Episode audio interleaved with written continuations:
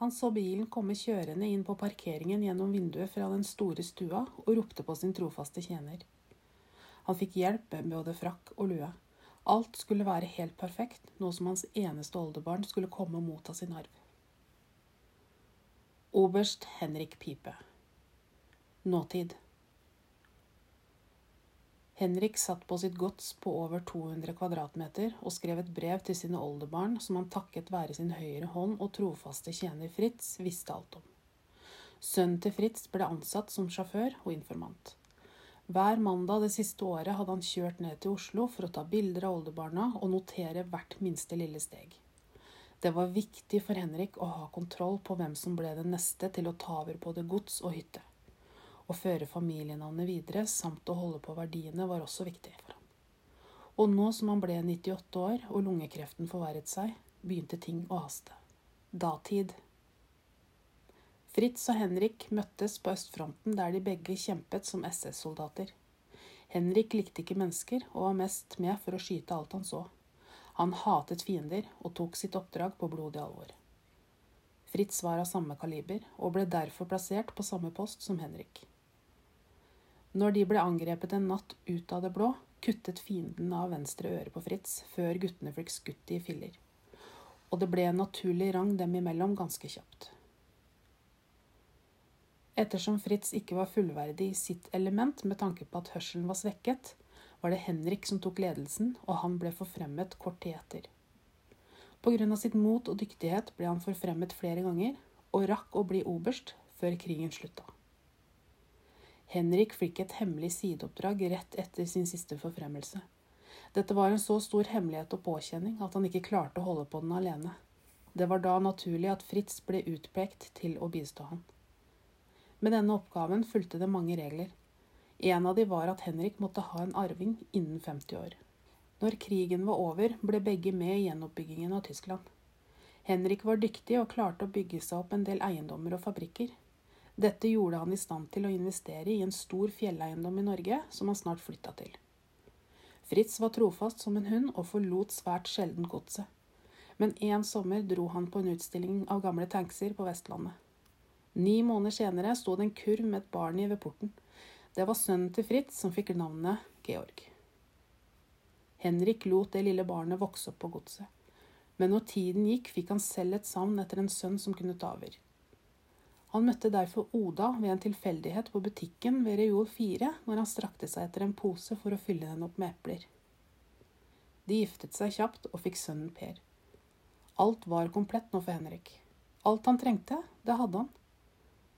Men det var bare én vesentlig liten ting som mangla kjærlighet. Oda klarte ikke mer av livet som hushjelp og barnevakt for både sin egen sønn og Georg. Dette så Henrik, og det begynte å bli en belastning for han når det kun ble krangling.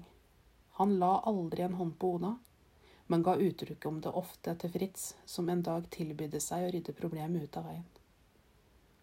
Oda ble sist sett på kjøkkenet den dagen. Henrik la ut en annonse om at han trengte en god, gammel husmor til å hjelpe.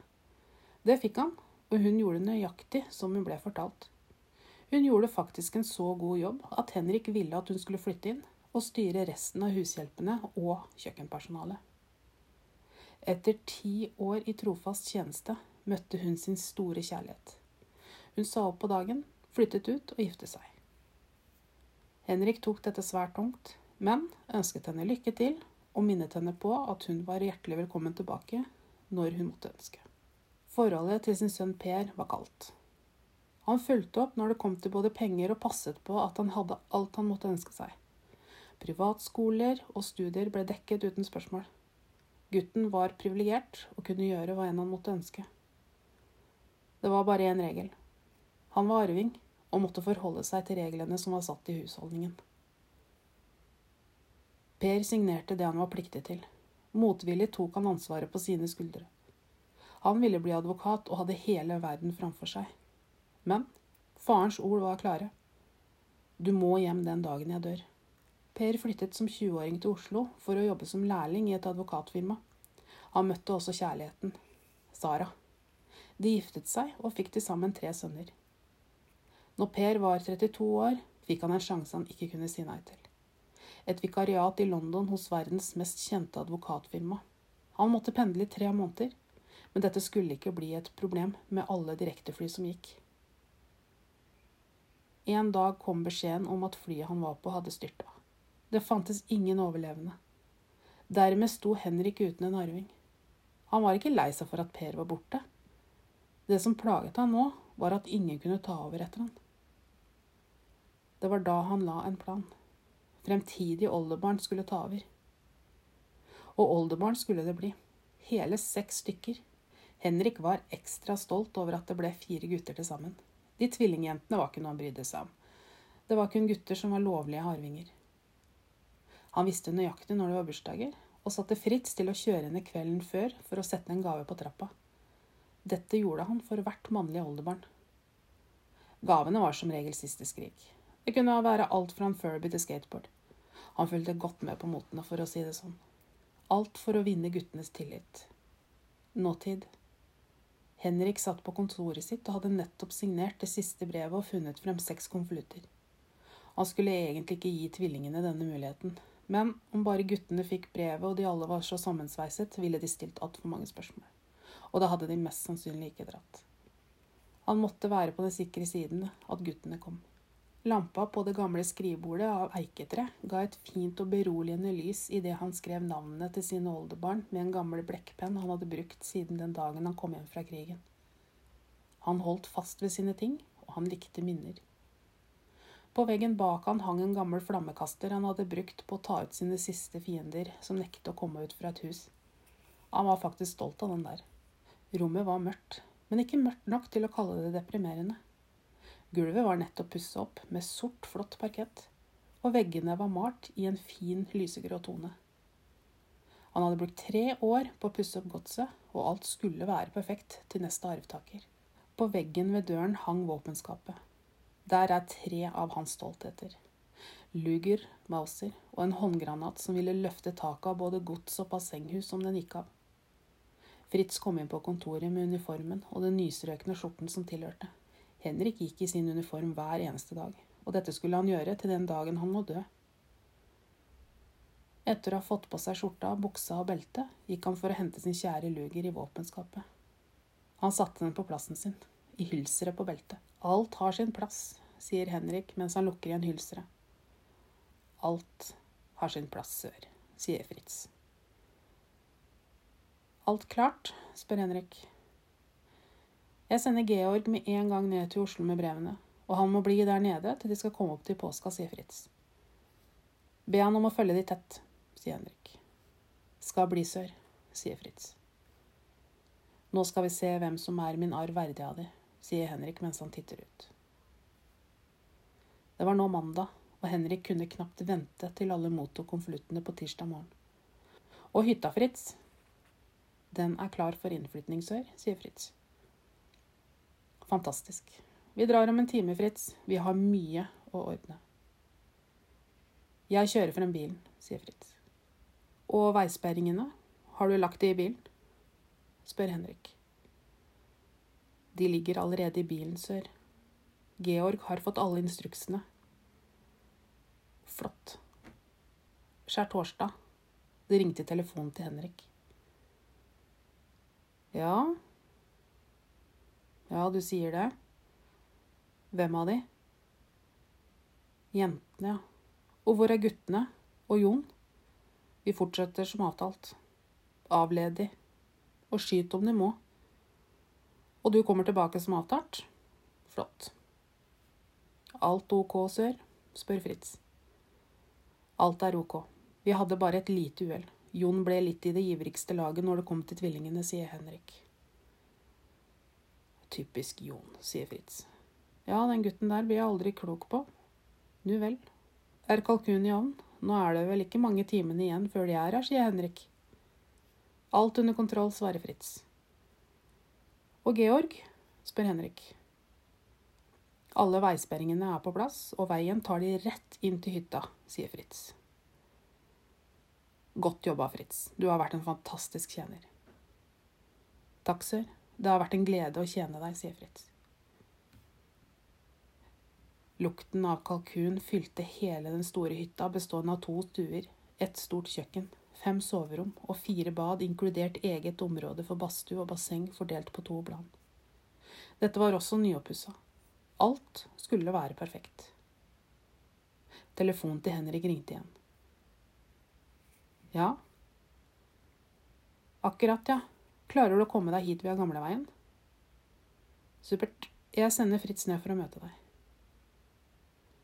Går du husmor i møte? spør Henrik. Ja, sør. Nåtid. Velkommen, Christian. Hei. Takk, tror jeg. Er det du som er oldefaren min? spør Christian. I levende live, sier Henrik. Jeg er ikke en, en, en klemmer, sier Christian, men et håndavtrykk er på sin plass. Ja, det har du arva av meg, sier Henrik. Klemming er for de som fikk for mye oppdragelse fra sine mødre. Møt min tjener Fritz.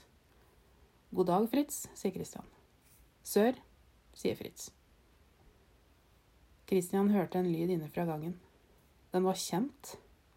Det var Nei, det, det kan ikke være sa han og rygga mens lyden av et nøkkelknippe slo i takt med halting.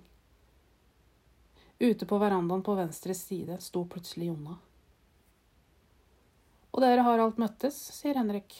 Men hils på husmor Jonna. Jeg tror denne tilhører deg, sier Jonna. Hun strakk ut kniven han sendte rett til siden på henne.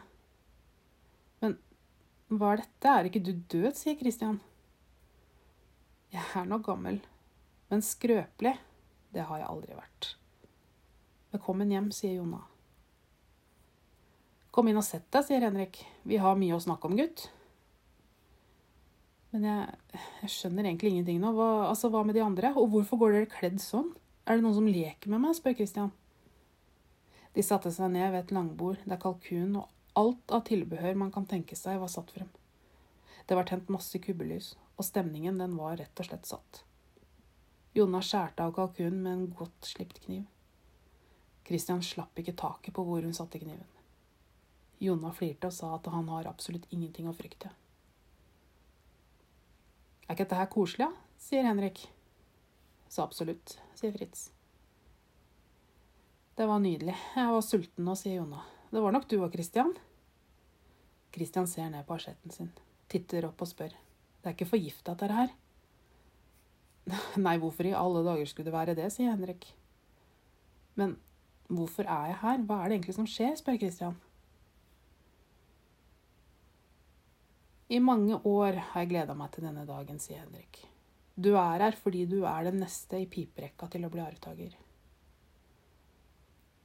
Hæ? Men hva med pappa? Han burde da gå før meg, sier Christian. Gutt, du skjønner, ingen av mine barnebarn ønsker noen form for kontakt med meg, sier Henrik. Spør meg ikke hvorfor, for det aner jeg ikke. En gjeng med egoister er de iallfall, og fortjener ikke ett rødt øre fra meg. Du derimot, du er en fighter, Christian. Jeg har fulgt med på deg. Jeg må ærlig innrømme at jeg hadde en knapp på Frank. Den gutten går over lik for å nå sine mål, men du er faktisk like bak, kjære Christian. Det der med fengselet, det bare glemmer vi. Alle gjør jo feil. Jeg dro i noen tråder så du slapp flere år. Men, men hvordan vet du alt dette, sier Christian. Var det du som betalte kausjon? Som sagt, sier Henrik. Jeg har fulgt godt med på dere. Og ja, jeg var den som betalte. Og her har jeg gått rundt og trodd at det var en av gjengene som betalte meg ut for å så skyte meg, sier Christian. Beklager den, sier Henrik. Men det skjerpet iallfall sansene dine, gjorde det ikke? Alle har godt av å leve litt i frykt i tider. Men nå må sansene dine skjerpes enda mer. Du kommer til å få et ansvar nå som krever all din oppmerksomhet. Følger du med? Dette er viktig. Jeg hører, sier Christian, men jeg skjønner jo ingenting. Du vil snart skjønne, sier Henrik, og du vil ta dette som den fornuftige mannen du er, på blodigste alvor. Du skjønner, da jeg ble forfremmet under krigen, fikk jeg et alvorlig stort oppdrag. Dette oppdraget må føres videre i min familie til den jeg har troen på. Mitt oppdrag er å holde en stor skatt gjemt. I krigens siste dager så ble det lastet opp et tog. Det toget inneholdt all slags mulige skatter, samt dokumenter og framtidige planer. På det toget ble også Hitlers private skatt plassert. Hitler og SS-sjefen skjønte i de dager at deres tid var over. Nå var det om å gjøre å gjemme unna ting for framtidig bruk, slik at nazismen igjen skulle oppstå på et senere tidspunkt, sterkere enn noensinne. Jeg ble nøye valgt ut av min unge alder og av min intense tro og overbevisning. Skatten har ikke blitt rørt på de 75 årene den har vært skjult. Tiden har ikke vært inne for å dra fram vår ideologi enda. Jeg har nå bestemt at den hemmeligheten skal overlates til deg, sånn at du kan finne skatten når tiden er inne. Sånn som verden utvikler seg nå, så er det ikke lenge igjen før vår tid kommer på nytt. Christian ble helt svimmel av det han nå ble fortalt. Dette måtte jo bare være kødd. Nazist? Jeg? fikk han sotret fram. Den gamle obersten fortsatte å snakke. Det finnes de som følger med på situasjonen. Et hemmelig brorskap sverget også en ed tilbake i 1945. De kaller seg troens voktere og vil bistå den dagen da all vår prakt skal gjenoppstå. Christian protesterte vilt. Jeg er ingen nazist. Jeg vil ikke ha noe med dette svineriet å gjøre. Obersten ble mørk i øynene. Du er mitt valg. Du har ingen mulighet til å nekte. Du skal og må adlyde mitt ønske. Det er en ordre. Nekter du eller fraviker du ditt ansvar, vil det få store konsekvenser for din restrerende familie. Christian resignerte fullstendig og nikket. Han hadde faktisk ikke noe annet valg enn å etterkomme oberstens befal. Obersten myknet opp og fant fram en tinnboks som han skjøv bortover bordet mot Christian. Christian åpnet den mens obersten forklarte. Det er en medaljong der. Den har kartet risset inn på baksiden. Den må du ha rundt halsen til enhver tid. Det ligger også en nøkkel der. Den er til den skjulte døren inn til tunnelen der toget står. Men det er én ting til. Troens voktere er ute etter å finne inngangen. Det er ekstremt viktig at de ikke får kloa i den medaljongen. Man kan vel kanskje si at de ikke forstår ordspillet 'alt til sin tid'. Er alt forstått? spør obersten strengt mens han reiser seg opp. Ja, svarer Christian med en litt ustø stemme enn tiltenkt. Flott, sa obersten og fortsatte. Mine trofaste tjenere og støttespillere vil følge deg videre og hjelpe deg så lenge de klarer. Det samme gjelder sønnen til Fritz, Georg. Obersten så deretter bort på Fritz og spurte er alt klart. Fritz svarte at alt er klart. Den gamle obersten gikk så ut av hytta og bort til den dype graven som Fritz og Georg hadde gjort klart. Han stilte seg på kanten, tok opp sin luger og skjøt seg selv i hodet og falt ned i graven. Christian så alt fra vinduet. Han sto bare og måpte. Han fikk så vidt fram. Hva, hva gjør vi nå? Da er det du som bestemmer, herre, sa Jonna. Jeg avventer ordre fra deg, sør, kom det fra Fritz. Christian ble sittende og tenke. Dette måtte han stoppe.